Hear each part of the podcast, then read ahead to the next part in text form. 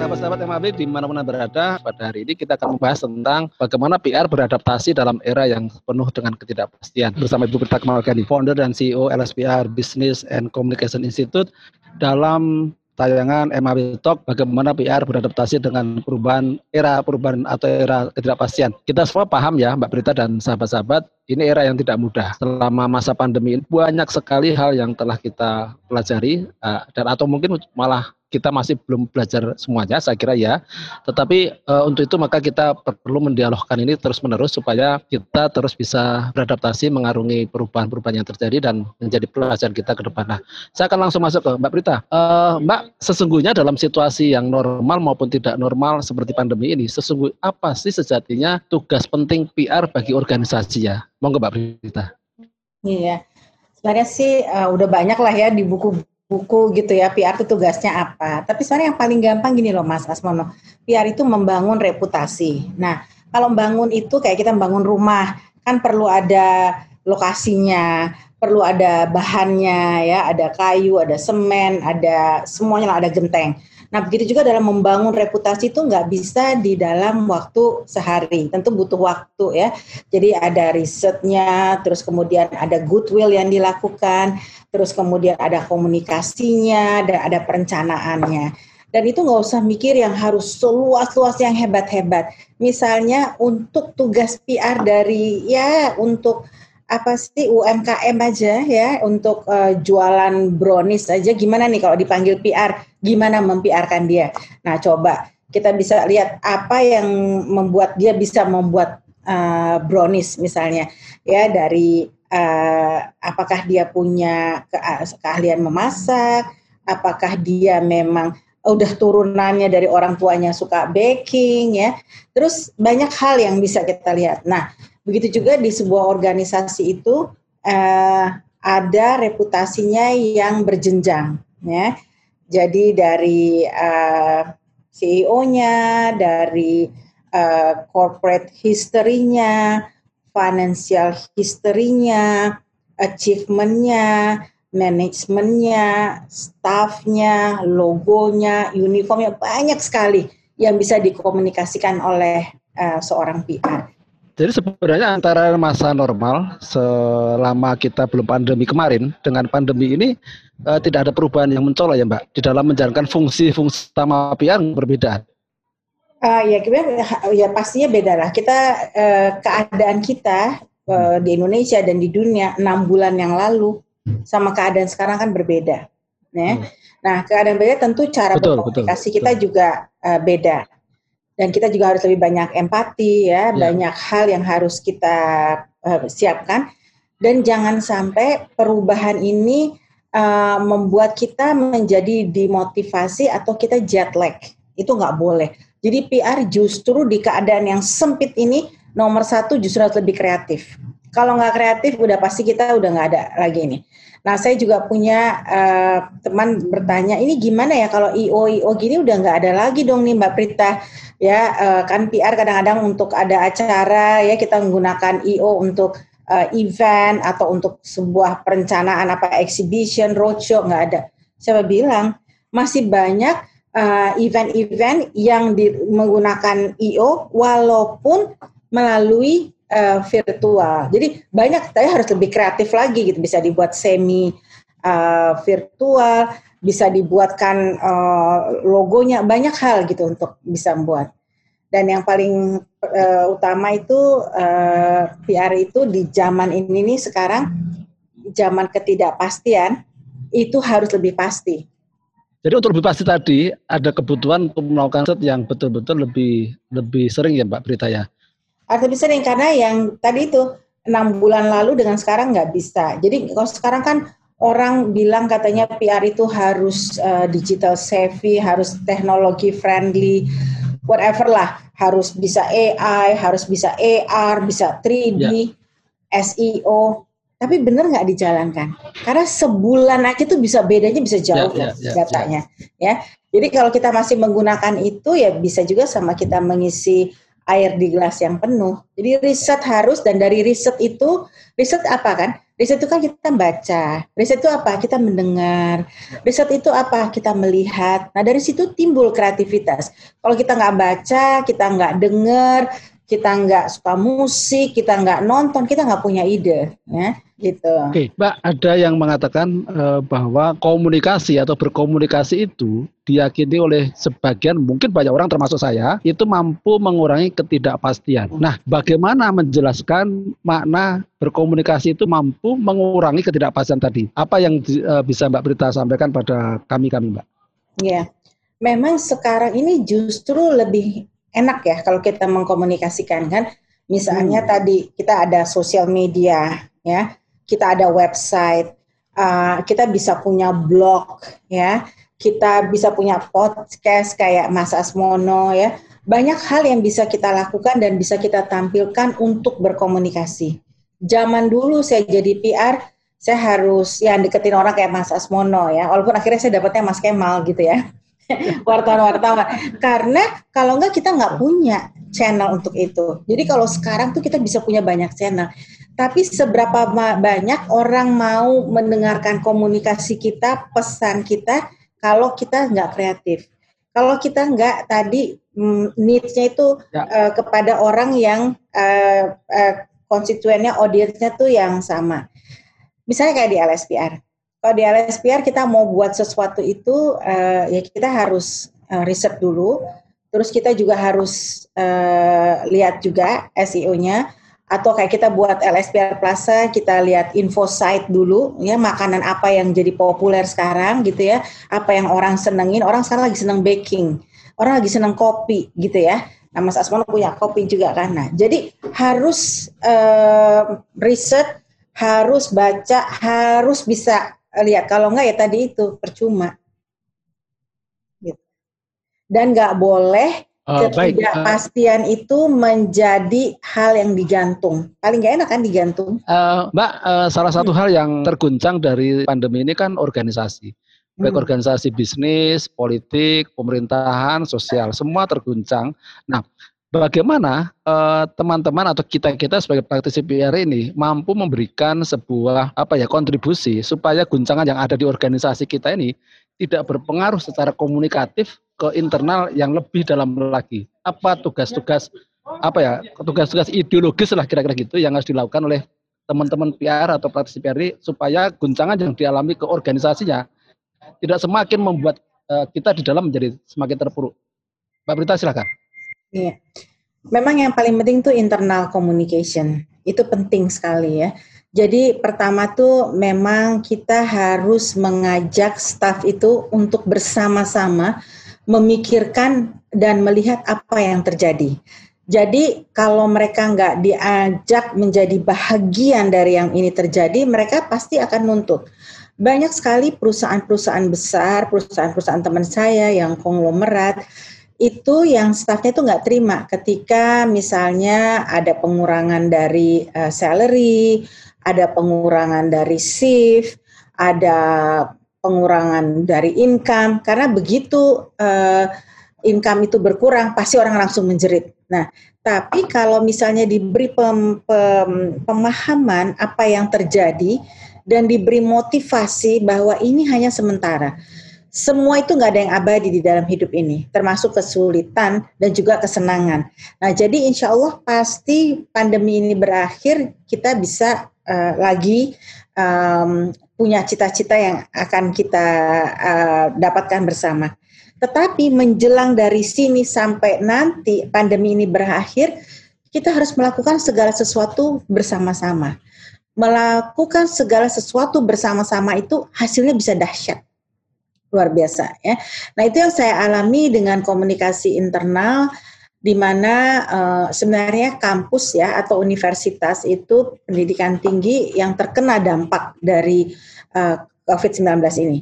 Begitu um, terjadi ini 15 uh, di awal 8 Maret itu udah nggak ada lagi um, tatap muka ya Berarti kalau nggak ada tatap muka semua online dan biasanya orang tua semua minta kalau uang kuliahnya dipotong dong kan nggak datang ke kampus kan. Nah tetapi tetap um, kita bersama-sama berpikir apa yang kita lakukan sehingga bisa mahasiswa ataupun ini um, audiens kita ini dapat menerima yang mereka bayarkan. Jadi banyak hal yang akhirnya orang bisa, nah itu rumah sakit dengan virtual consulti apa consultation ya uh, di kampus dengan online learning, terus juga untuk customer service ya sekarang Hardware juga punya gimana cara masang kipas angin ya ada uh, virtual classes jadi semuanya bisa terjadi ada kreativitas apa kreativitas plus ya ini nggak ada putusnya gitu loh. Oh akhirnya tetap juga laku kan. Orang tetap juga beli kipas angin.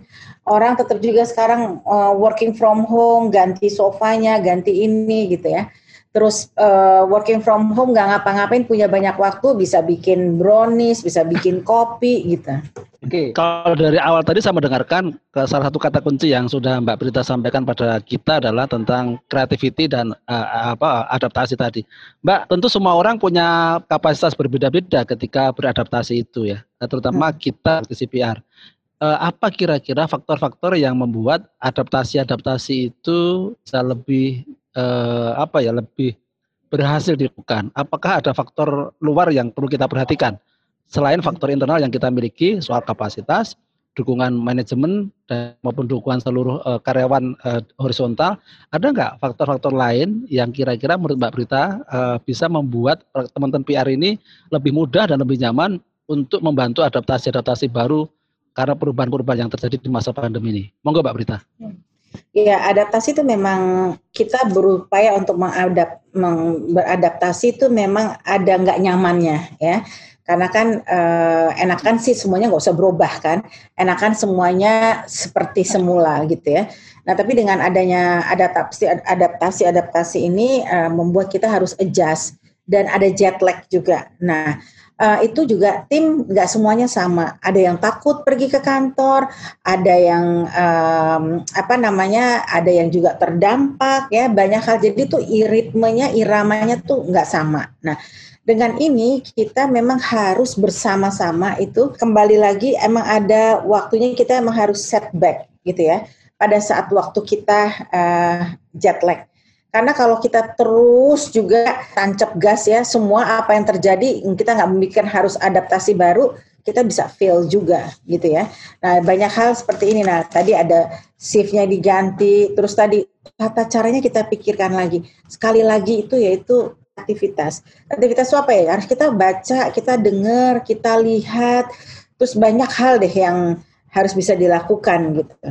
Baik, eh, sahabat MAB di mana pun Anda berada, Anda masih bersama dengan Ibu Prita Kemalgani, founder dan CEO LSPR Business and Communication Institute dalam tayangan MAB Talk bagaimana PR beradaptasi dengan perubahan era perubahan atau era ketidakpastian. Eh, Mbak Prita, saya ingin uh, terus mengulik lebih dalam lagi. Ini kan kita nggak tahu semua pandemi ini kapan akan berakhir.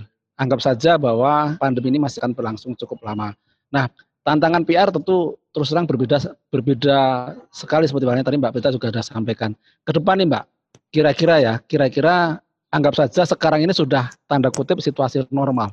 Normal dalam konteks kebaruan akibat pandemi. Apa bekal uh, secara kompetensi yang mesti disiapkan sahabat-sahabat MAW ini maupun teman-teman praktisi luar praktisi PR di luar sana untuk terus ke depan menyongsong eh, hal-hal uh, baru yang akan ditemui karena post pandemi ini. Monggo Mbak Brita. Iya. Ya, Mas Asmono ini sih um, sebenarnya Mas Asmono punya series uh, PR 360 ini sebenarnya the answer of uncertainty ya. Karena uh, dia punya uh, perspektif dan pemikiran yang luas ya PR-nya ini. Pertama yaitu tadi kalau PR itu selalu pengennya di management function. Tapi dia punya nggak management skill? Ya, jadi dia harus punya dulu management skill Management skill itu tadi bisa memimpin, bisa mempersuasi, bisa organize semuanya, bisa menepati deadline itu penting ya. Terus yang kemudian yang kedua dia tadi punya leadership skill nggak? Leadership skill dalam dirinya sendiri dia bisa on time nggak? Dia bisa memenuhi janji nggak? Dia bisa menghasilkan yang terbaik nggak? Yang sesuai yang dia inginkan dan ekspektasi orang lain. Itu juga penting untuk seorang PR. Terus kemudian ya lah kita udah tahu kalau PR harus bisa nulis, harus bisa ngomong. Saya sih nggak bisa nulis, nggak bisa ngomong, tapi saya jadi PR gitu. itu. Terus kemudian di dalam uncertainty ini, ya, di dalam keadaan yang sulit ini, PR itu dituntut harus punya entrepreneurial skill. Karena kalau nggak punya entrepreneurial skill, ini nggak bisa. Kan company ini bisa berjalan sebuah organisasi kalau uh, karyawannya happy. Kalau karyawannya itu harmonis, tentram, damai, saling mencintai, yaitu ya ininya lah ya uh, bla-blanya. Tapi sebenarnya itu harus dibuat oleh orang PR karena itu akan mendukung satu hasil yang besar nantinya. Selama itu di apa di dalam organisasi itu nggak harmonis, uh, banyak um, apa tuh namanya banyak ganjelan-ganjelan ya sehingga sulit menghasilkan yang terbaik untuk perusahaan. Nah, ini salah satu entrepreneurial skill. Jadi tahu kalau uh, bahan bakar dari perusahaan itu yang paling utama adalah organisasi adalah uh, staffnya. Ya. Kemudian master of storytelling itu juga penting. Bisa mengkaitkan segala sesuatu itu dengan uh, storytelling ya. Jadi kepada staff pun juga dibuat storytelling nggak hanya untuk audiens di luar aja ya. Karena kadang staff nggak mau denger kan gimana uh, eh, CEO atau founder itu dulu mendirikan uh, apa perusahaan ini dengan susah payahnya. Terus storytelling melihat orang lain bagaimana itu juga penting uh, di dalam teman-teman. Uh, Nah, terus yang terakhir nih, menjawab uncertainty tadi jawabannya Mas Asmono, yaitu era of collaboration. Sekarang emang waktunya core lab, core lab ya. Influencer aja sekarang pakai itu, pakai core lab, core lab ya. Jadi yang satu youtuber, yang satu uh, social media spesialis, yang satu makeup artist, semuanya in order to get a better and larger audience gitu, and more variety of uh, audience itu penting juga gitu ya. Jadi sekarang era of kolaborasi, jadi perusahaan-perusahaan itu harus bisa berkolaborasi tadi ini. Ya, baik Mbak. Uh, tadi saya menekan ke Mbak Prita soal faktor-faktor luar ya. Nah, hmm. satu hal faktor soal teknologi. Hmm. Bagaimana teknologi ini bisa mendrive kita semua di dalam untuk betul-betul kita ini bukan diperbudak oleh teknologi, tetapi justru menggunakan teknologi ini untuk uh, memaksimalisasi upaya-upaya kita berkomunikasi sesuai dengan tujuan dan uh, visi misi dari organisasi kita. Apa rahasia rahasia sukses kira-kira yang uh, selama ini sudah Mbak Prita lakukan untuk teman-teman ke semua teman-teman MAB ini supaya mereka benar-benar lebih optimis, lebih maksimal, lebih berhasil memanfaatkan teknologi untuk menggapai tujuan organisasi masing-masing. Monggo Mbak Prita. Ya. Sebenarnya teknologi memang tidak menggantikan uh, hubungan kita, tidak menggantikan humanity, ya tapi kita mm, jangan sampai memang diperbudak oleh teknologi, tapi we humanize teknologi. Itu penting sekali.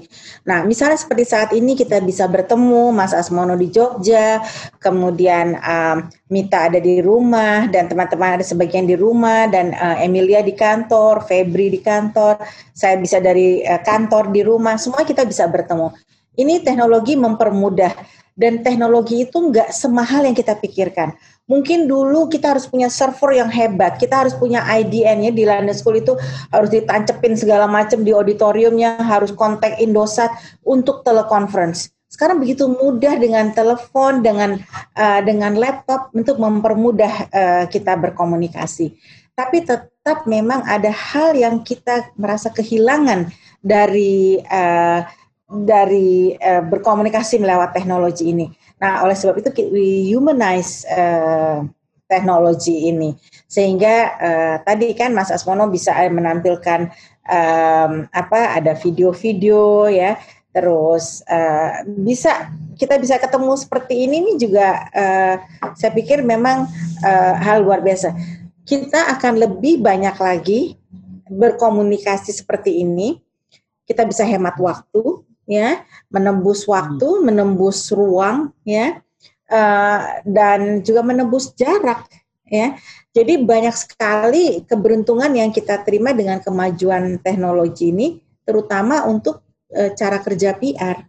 Nah, ketika uh, di pandemi tadi Bu Berita juga sudah sampaikan, Mbak Berita sampaikan bahwa ada beberapa kawan kita yang pemilik perusahaan mau nggak mau harus terpaksa mengkat karyawan, yeah. terjadi PHK, ada ada ada apa? Ada ada layoff karyawan segala macam. Nah, tentu posisi PR agak tidak mudah dalam posisi itu.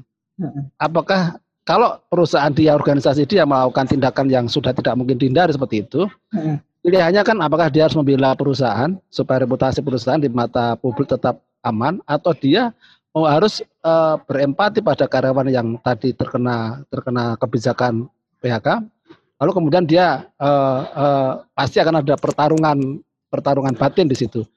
Langkah bijak apa sebagai seorang PR yang harus dilakukan dalam posisi-posisi seperti itu? Monggo Mbak Brita.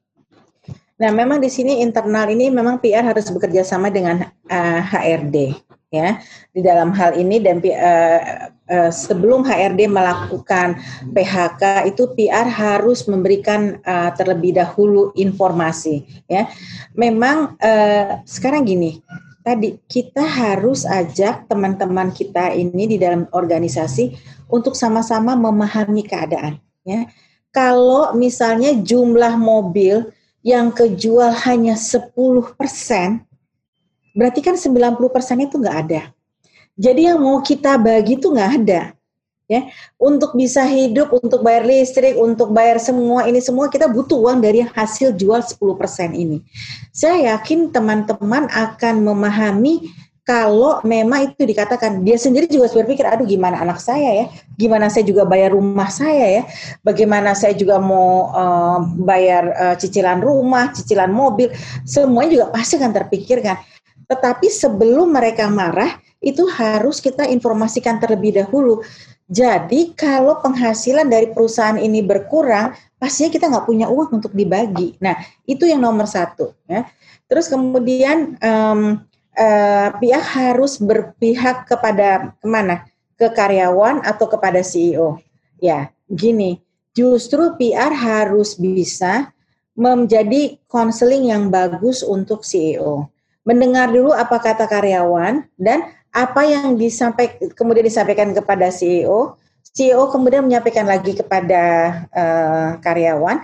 Nah, itu semuanya harus bisa uh, dibantu, uh, dibuat oleh PR ada analisisnya. Makanya salah satu tugas PR adalah giving counseling. Counseling ke CEO dan juga counseling ke tadi ke HRD, terus kepada juga uh, karyawan. Nah banyak juga perusahaan-perusahaan yang mana harus mulai off karyawannya, mereka mah nggak punya uang untuk memberikan um, uh, PHK. Apalagi di di Indonesia PHK-nya banyak loh Mas Asmono harus bayar. Apa itu kalau udah kerja lama-lama sampai bisa sampai 19 kali gaji. Nah jadi sementara uang yang diterima aja berkurang. Ya kan? Nah, jadi Betul. banyak ini ya, apa namanya itu juga harus uh, kita perhatiin dan juga teman-teman saya sampai ada yang pinjem dulu, baru bayar separohnya dulu atau sepertiganya.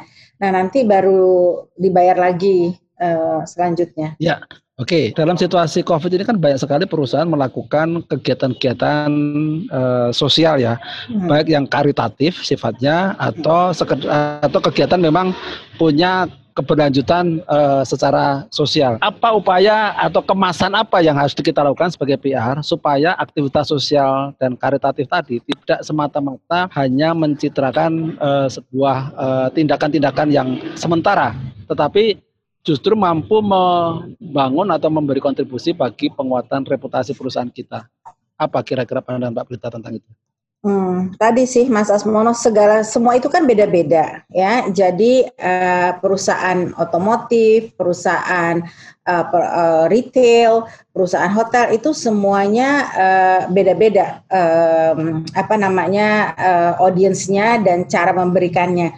Nah, pertama jadi kita harus riset dulu. Nah, tapi risetnya harus cepat. Sekarang ini nggak bisa risetnya zaman dulu. Harus pakai ini, pakai itu. Kalau di London School harus banyak tuh risetnya. Aduh, stres deh.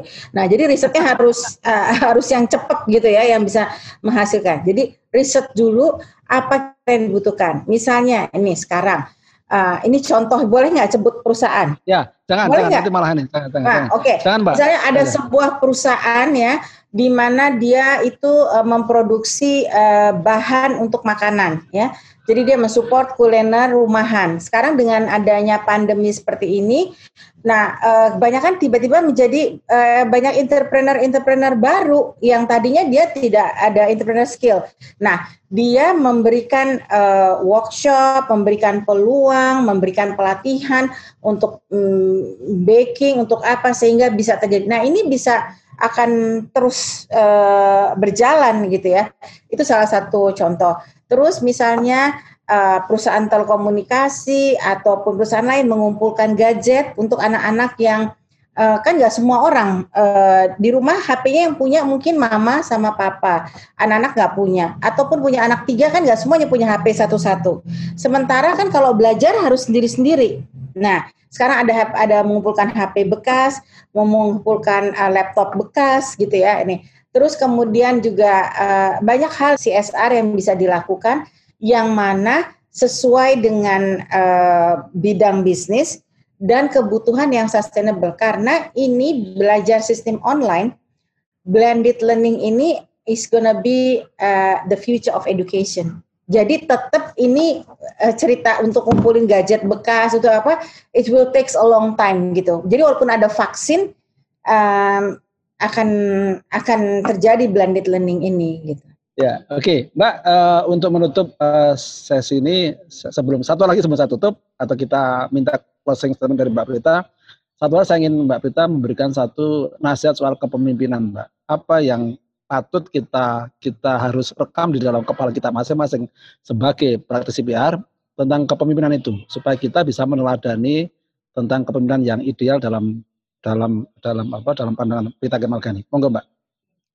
Sebenarnya pemimpin itu yang paling susah ketika dia memposisikan dirinya uh, sebagai dia anak buahnya, ya itu paling Hmm. susah, ya Uh, karena sebagai seorang pemimpin itu kita punya ego, maunya yang kita mau itu semua orang harus turutin kita. Padahal kita nggak tahu kan orang itu nggak selalu selamanya uh, sesuai dengan kita, tidak se- selalu kapabilitasnya sama dengan kita begitu seorang pemimpin dapat menempatkan posisinya dia di tempat anak buahnya, maka dia akan menjadi bahagian dari organisasi itu yang tak akan eh, terkalahkan gitu ya, ibaratnya unbreakable gitu ya. Dan eh, pemimpin sama-sama berjuang dengan anak buahnya ya di organisasinya. Jadi kalau kesusahan itu kita nggak bisa bilang ya udahlah kalian cari jalan keluarnya sendiri, masa aku ikut mikirin kan aku mikirin yang lain-lain lagi. Ya pasti kita ditinggalin ya. So we have to be part of the solution. We have to be part of the team. Nah, itu baru yang pemimpin yang dicintai. Biasanya kalau pemimpin kayak gitu, orang nggak mau ninggalin. Pasti dia akan selalu bersama-sama pemimpinnya. Dan akhirnya menjadi kuat organisasi itu. Wah, menarik ini.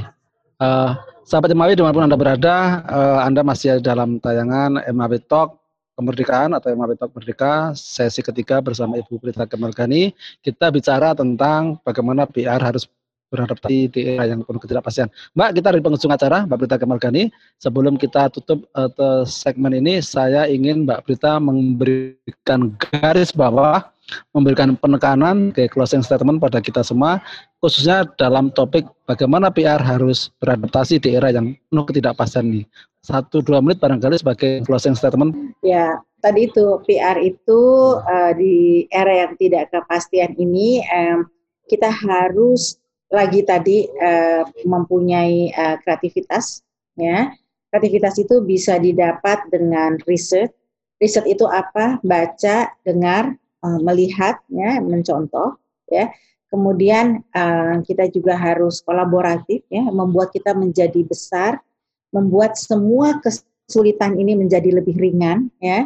Karena dalam era kolaboratif ini banyak hal dari segi finansial, dari segi energi, dari segi waktu, dari segi resources semuanya itu kalau kita pikul bersama-sama akan menjadi mudah. Yang ketiga di era uncertainty ini kita harus ada humanity ya karena kalau kita nggak humanity kita hanya teknologi aja kita akan menjadi robot dan hidup kita akan menjadi miserable ya. Jadi we have to humanize teknologi. Jadi kita sering-sering menyapa lewat WhatsApp, kita bisa video call, kita bisa Zoom, bisa banyak hal-hal yang tadi kita tuangkan di dalam creativity itu uh, di dalam uh, uh, di teknologi.